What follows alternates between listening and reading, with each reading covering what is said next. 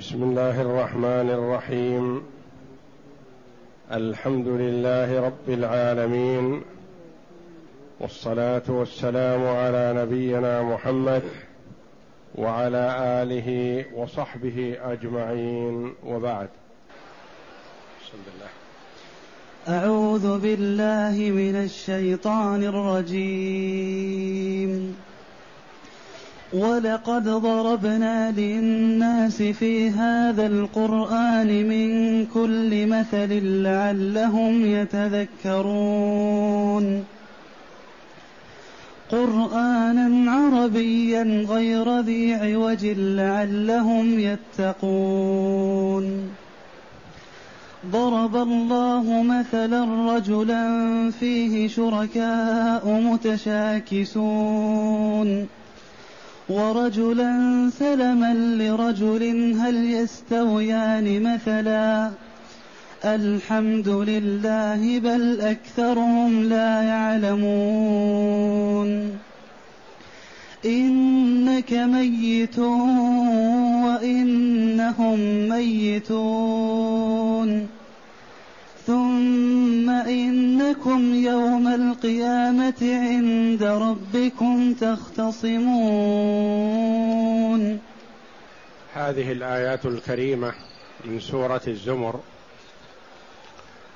جاءت بعد قوله تعالى أفمن شرح الله صدره للإسلام فهو على نور من ربه إلى أن قال جل وعلا أفمن يتقي بوجهه سوء العذاب يوم القيامة؟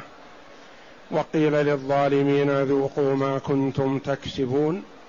كذب الذين من قبلهم فأتاهم العذاب من حيث لا يشعرون. فأذاقهم الله الخزي في الحياة الدنيا ولعذاب الآخرة أكبر لو كانوا يعلمون. ولقد ضربنا للناس في هذا القرآن من كل مثل.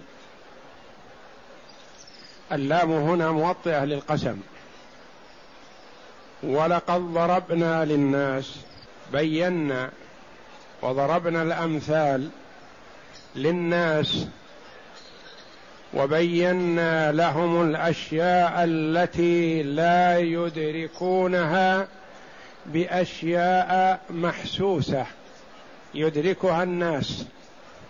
فالله جل وعلا يضرب الأمثال ليقرب الأمور للناس بحيث تكون واضحة بينة لهم. ولقد ضربنا للناس في هذا القرآن من كل مثل يحتاجون إليه. في أمور دنيا في أمور دينهم. في هذا القرآن الذي كما قال الله جل وعلا ما فرطنا في في الكتاب من شيء. يعني كل شيء يحتاجه الناس في أمور آخرتهم فهو مبين في هذا القرآن أوضح بيان.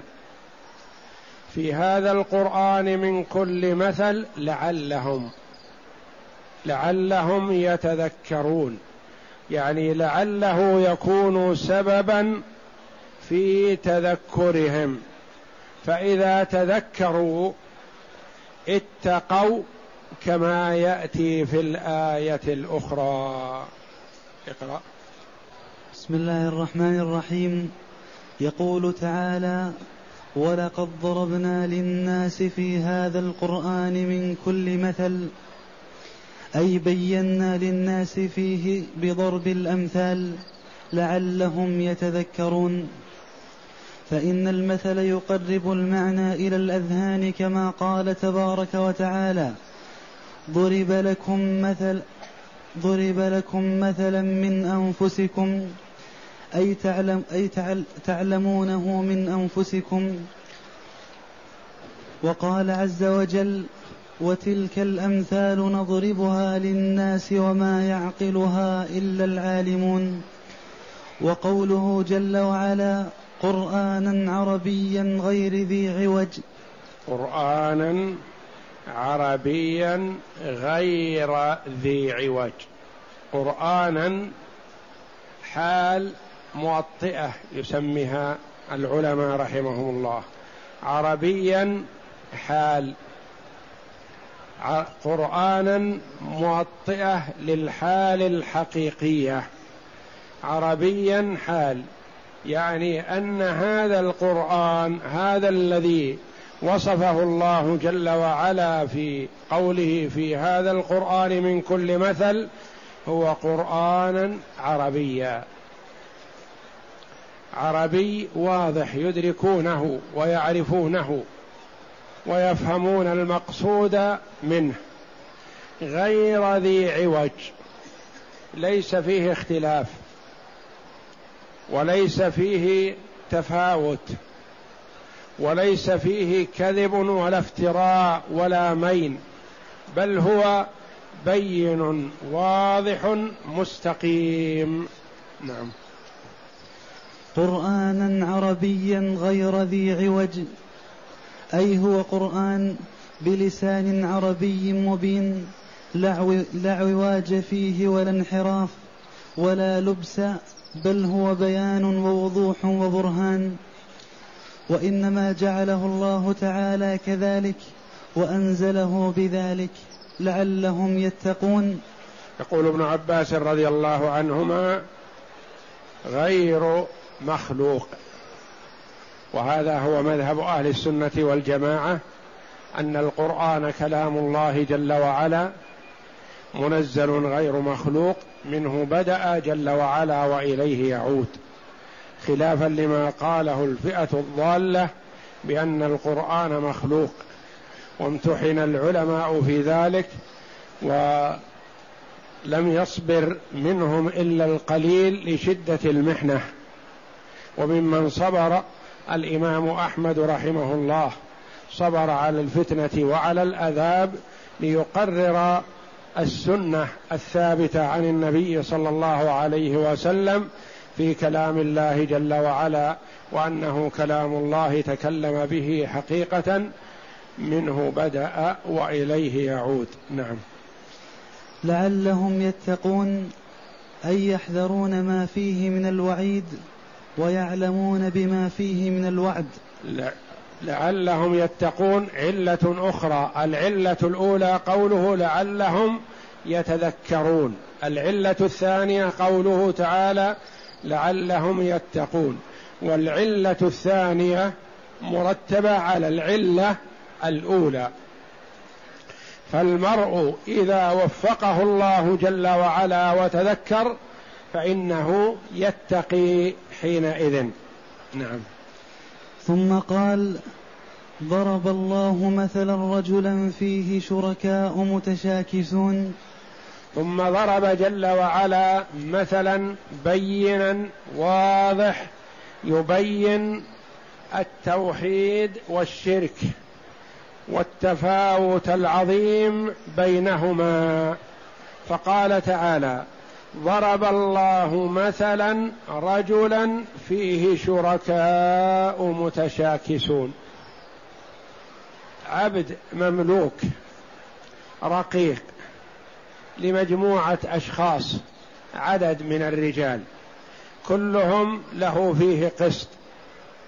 متشاكسون متنازعون مختلفون متفاوتون.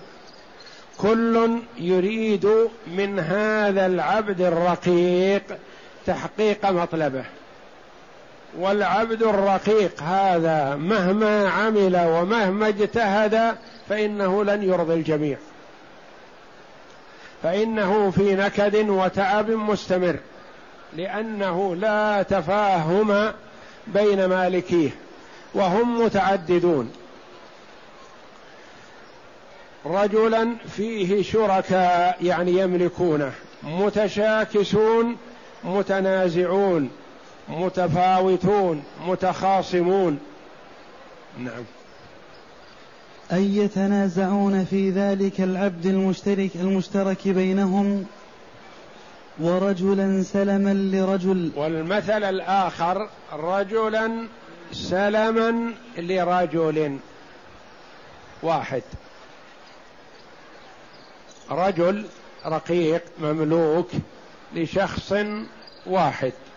هذا الشخص إذا أطاعه مملوكه سر وشكر رقيقه وإن عصاه وخالفه عذره ورفق به وحلم عليه. أيهما في رأيك اهنى عيش وأريح بال. هذا الرجل الذي هو لرجل واحد رفيق به. أم الرجل الذي مملوك لعدة أشخاص كلهم يتنازعونه وكلهم يكلفونه وإذا حقق مطلب واحد منهم لم يحقق مطلب الآخرين وهكذا. أيهما أريح؟ أي العبدين أريح وأهدى؟ لا سواء بينهما. نعم. ورجلا سلما لرجل أي سالما. الرجل أي خالصا لا يملكه أحد غيره. سلما وفي قراءة سالما وفي قراءة ثالثة سلما لرجل. نعم. هل يستويان مثلا؟ أي لا يستوي هذا وهذا كذلك؟ الاستفهام هنا للإنكار أي لا يستوي هذا وهذا نعم. كذلك لا يستوي المشرك الذي يعبد آلهة مع الله والمؤمن والمؤمن المخلص. المسلم الذي يعمل العمل مطمئن القلب بأنه في مرضاة ربه. وأن ثواب عمل هذا يعود إليه في الدار الآخرة ومؤمن بلقاء الله جل وعلا وأنه سيجازيه على عمله فهو يعمل في الدنيا يرجو ثواب الله مطمئن هو مستريح الضمير هادئ البال. على أي حال كان في حال صحة يحمد الله جل وعلا على ذلك. في حال مرض يصبر ويحتسب. في حال غنى يستعين بغناه على طاعة الله. في حال فقر يصبر ويحتسب ويرضى بذلك. وهكذا على أي حال هو فهو مسرور. المؤمن كما قال النبي صلى الله عليه وسلم عجبا لأمر المؤمن إن أمره كله له خير. هو على خير في كل حال. حتى وإن كان مريض وإن كان بائس وإن كان معدم وإن فقد ماله فقد أهله فقد ولده فهو محتسب راضي. إن أنعم عليه بنعمة فهو شاكر معترف بالنعمة لمسديها وموليها مستعين بنعمة الله جل وعلا على طاعة الله. هذه حال المؤمن. وأما حال الكافر والعياذ بالله فهو مستوحش القلب. في نكد من العيش حتى وإن كان في سعة من الدنيا فهو لا يستريح. لأن الكافر غير مستقر وغير هانئ البال. هو على وجل. على وجل من الموت على وجل من المصائب. غير مستريح. أما المؤمن فهو وإن كان يتحرى الموت وقد تصيبه بعض المصائب فهو راض بقضاء الله وقدره. نعم. فأين هذا من هذا؟ قال ابن عباس رضي الله عنهما ومجاهد وغير واحد هذه الآية ضربت مثلا للمشرك للمشرك والمخلص. للشرك والتو... لل... إيش؟ للمشرك والمخلص. للمشرك والموحد. المشرك الذي يتنازعه مجموعة والموحد الذي يعمل لسيد واحد رفيق به. نعم. ولما كان هذا المثل ظاهرا بينا جليا قال الحمد لله فالمؤمن يحمد الله جل وعلا على أن وفقه لذلك وأن يجعله بهذه الصفة عابد لله جل وعلا مطمئن بعبادة الله وحده لا شريك له وأن عبادته لله جل وعلا نعمة من الله فهو يحمد الله على هذه النعمة. نعم. الحمد لله أي على إقامة الحجة عليهم. بل أكثرهم لا يعلمون. أي فلهذا يشركون بالله؟ وقال تبارك وتعالى يعني هم ما وقعوا فيما وقعوا فيه إلا نتيجة عدم العلم. علم غير معذورين عدم علم غير معذورين به لأن الله جل وعلا أقام عليهم الحجة وبين لهم الأدلة والبراهين. وقوله تبارك وتعالى إنك ميت وإنهم ميتون. هذه الآية هم كانوا يتربصون بالنبي صلى الله عليه وسلم الموت. يقولون نموت ونستريح منه. فقال الله جل وعلا الموت وإن كان حاصل عليك لا محالة فإنه حاصل عليهم كذلك. فلا شماتة في الموت لأن كل إنسان ميت كل من سوى الله جل وعلا فإنه ميت لأن الله جل وعلا وحده هو الحي. فالموت لا يتشمت به لأن كل حي سوى الله لا بد وأن يموت. نعم. وفي هذا إخبار للصحابة رضي الله عنهم بأن النبي صلى الله عليه وسلم سيموت كما يموت غيره لأنه كان يظن بعض الصحابة أن النبي صلى الله عليه وسلم لا يلحقه الموت. هذه الآية من الآيات في قوله إنك ميت وإنهم ميتون ميت بالتشديد وميت بالتخفيف. قالوا المي إذا قيل ميت يعني لإنسان سيموت لا تزال فيه الحياة.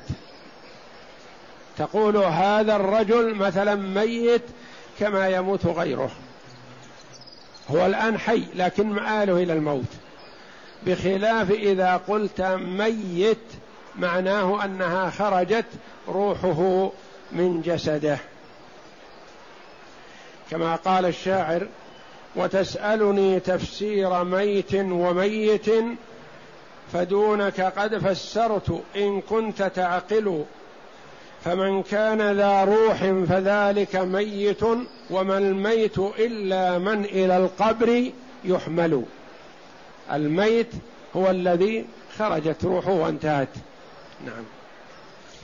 هذه الآية من الآيات التي استشهد بها الصديق رضي الله عنه عند موت الرسول صلى الله عليه وسلم حتى تحقق الناس موته. لأن النبي صلى الله عليه وسلم في اليوم الذي مات به كان أصابه المرض عليه الصلاة والسلام أياما. وفي يوم الاثنين أحس بنشاط في صلاة الفجر. فخرج عليه الصلاة والسلام لصلاة الفجر فتحرك الناس وفرحوا وهم في صلاتهم فعرف أبو بكر رضي الله عنه أن الناس لا يتحركون ويحصل منهم هذا التأثر إلا أنهم رأوا النبي صلى الله عليه وسلم. فتراجع رضي الله عنه يريد أن يتقدم النبي صلى الله عليه وسلم. فأمره النبي أن يبقى في مكانه وصف النبي صلى الله عليه وسلم مع أبي بكر على يمينه. وأكمل صلاة الفجر. فلما رأى الصحابة رضي الله عنهم نشاط النبي صلى الله عليه وسلم وخروجه لصلاة الفجر وقد كان تأخر أياما سروا بذلك وفرحوا. ومن ضمنهم أبو بكر رضي الله عنه. فاستأذن النبي صلى الله عليه وسلم في أن يخرج إلى أهله قريبا من المدينة. فخرج رضي الله عنه على أن النبي بخير وفي صحة. وقد كان يصلي بالناس أبو بكر رضي الله عنه في الفترة السابقة. ولم يأذن النبي صلى الله عليه وسلم لأحد يصلي بالناس سوى أبي بكر رضي الله عنه. فلما ذهب النبي صلى الله ذهب أبو بكر إلى أهله النبي صلى الله عليه وسلم في يوم الاثنين الذي صلى معهم الفجر ضحى لحقت روحه بربه. عليه الصلاة والسلام توفاه الله ضحى. فحصل كلام الناس مات النبي صلى الله عليه وسلم أو ما مات فجاء عمر رضي الله عنه وبدأ يخطب في المسجد النبوي بأن النبي صلى الله عليه وسلم لم يمت وإنما رفع إلى ربه وسيعود كما رفع موسى وعاد وهكذا ويقنع الناس بأن الرسول عليه الصلاة والسلام لم يمت. هذه وجهة نظر عمر رضي الله عنه وأرضاه. فلما سمع بالخبر أبو بكر رضي الله عنه جاء إلى النبي صلى الله عليه وسلم والناس مجتمعون في المسجد فلم يلتفت إليهم.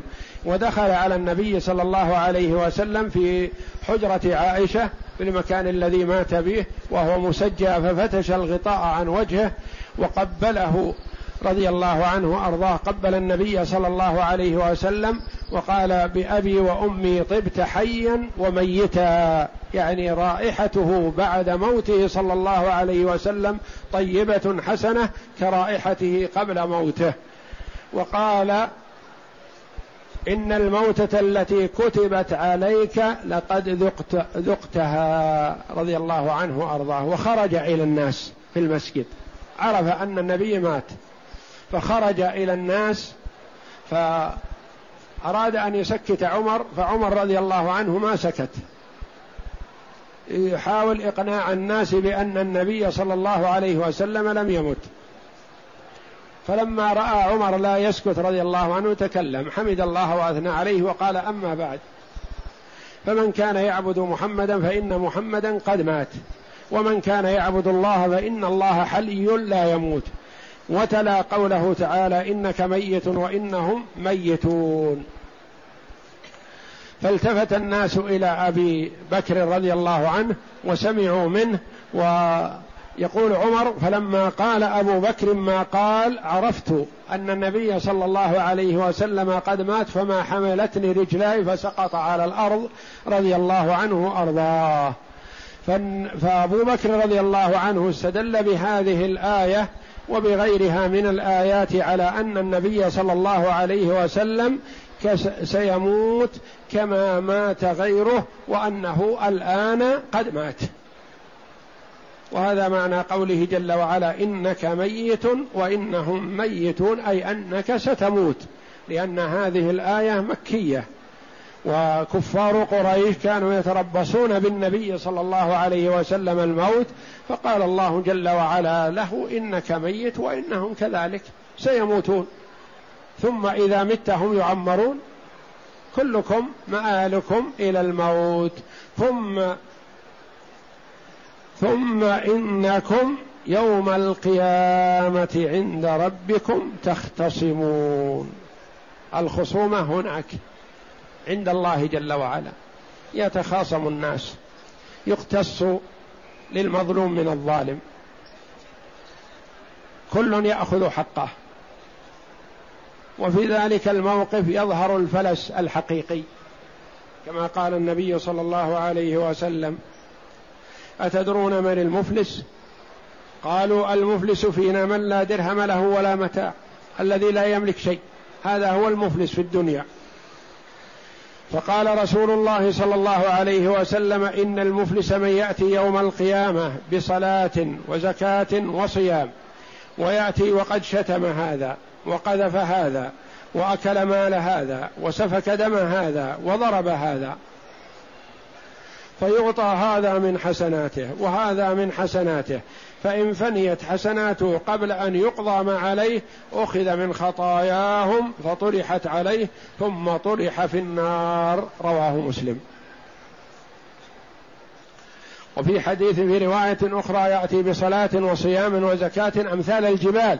يعني حسنات كثيرة لكن تؤخذ. يقتص منه. وفي ذلك اليوم يتم القصاص لكل أحد للصغير من الكبير والكبير من الصغير والعاقل من غير العاقل ومن حتى البهائم يقتص من بعضها لبعض. حتى إنه لا يقتص للشاة الجماء من ذات القرن يقول ابن عمر رضي الله عنه في قوله تعالى ثم إنكم يوم القيامة عند ربكم تختصمون يقول كنا نتوقع أن هذه الخصومة بيننا وبين أهل الكتاب. ما كنا نتوقع أن تحصل الخصومة بين المسلمين فيما بينهم.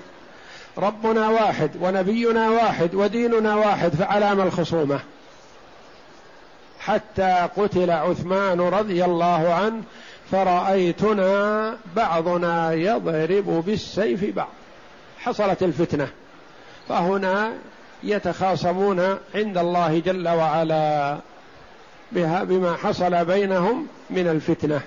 واستمرت الفتنة كما أخبر النبي صلى الله عليه وسلم أنه بينه وبين الفتنة باب. قال السائل يكسر أم يفتح؟ قال يكسر. قال إذا كسر فلن يغلق بعد فلن يقم أو كما قال. وحصلت الفتنة واشتدت بقتل عثمان رضي الله عنه وأرضاه. نعم حتى تحقق الناس موته مع قوله عز وجل وما محمد إلا رسول قد خلت من قبله الرسل أفإن مات أو قتل انقلبتم على أعقابكم ومن ينقلب على عقبيه فلن يضر الله شيئا وسيجزي الله الشاكرين نعم. ومعنى هذه الآية أنكم ستنتقلون من هذه الدار لا محالة وستجتمعون عند الله تعالى في الدار الآخرة وتختصمون فيما أنتم فيه فيما أنتم فيه في الدنيا من التوحيد والشرك بين يدي الله عز وجل فيفصل بينكم ويفتح بالحق وهو الفتاح العليم عن أبي هريرة رضي الله عنه قال قال رسول الله صلى الله عليه وسلم من كان عنده مظلمة لأخيه من عرض أو مال فليتحلله اليوم قبل أن لا يكون دينار ولا درهم. إن كان له عمل صالح أخذ منه بقدر مظلمته وإن لم يكن له حسنات أخذ من سيئات صاحبه فحملت عليه. رواه البخاري. نعم. فينجو المؤمن المخلص الموحد ويعذب, الكا ويعذب الكافرين الجاحدين المشركين المكذبين. ثم إن هذه الآية وإن كان سياقها في المؤمنين والكافرين وذكر الخصومة بينهم في الدار الآخرة فإنها شاملة لكل متنازعين في الدنيا. لكل متنازعين في الدنيا. لا بد وأن يتحاكما عند الله جل وعلا. الجار مع جاره والمظلوم مع ظالمه وهكذا. نعم. فإنه تعاد عليهم تعاد عليهم الخصومة في الدار الآخرة. قال ابن أبي حاتم رحمه الله حدثنا محمد بن عبد الله بن يزيد ثنى سفيان عن محمد عن ابن عمر عن أبي حاطب يعني يحيى بن عبد الرحمن عن ابن الزبير رضي الله عنهما قال لما نزلت ثم إنكم يوم القيامة عند ربكم تختصمون. قال الزبير رضي الله عنه يا رسول الله أتكرر علينا الخصومة؟ قال صلى الله عليه وسلم نعم. قال رضي الله عنه إن الأمر إذا لشديد. وكذا رواه الإمام أحمد عن سفيان وعن يعني ما تنتهي الخصومة في الدنيا بل كل يأخذ حقه لأن الخصومة في الدنيا لحل المنازعات فقط. وكما قال النبي صلى الله عليه وسلم إنما أنا بشر وإنكم تختصمون إلي ولعل بعضكم يكون ألحن بحجته من بعض فمن قضيت له بحق أخيه فلا يأخذه فإنما هي قطعة من نار فليأخذها أو ليدعها. حتى وإن حكم له الحاكم إذا كان على خلاف الصواب والحقيقة فإن الحق سيقتص للمظلوم من الظالم يوم القيامة. فخصومات الدنيا لحل المنازعات فقط وانهائها في الدنيا. وأما الحقيقة فالله جل وعلا أعلم بها وهو الذي يعطي الحق لصاحبه. والله أعلم. وصلى الله وسلم وبارك على عبده ورسول نبينا محمد. وعلى آله وصحبه أجمعين.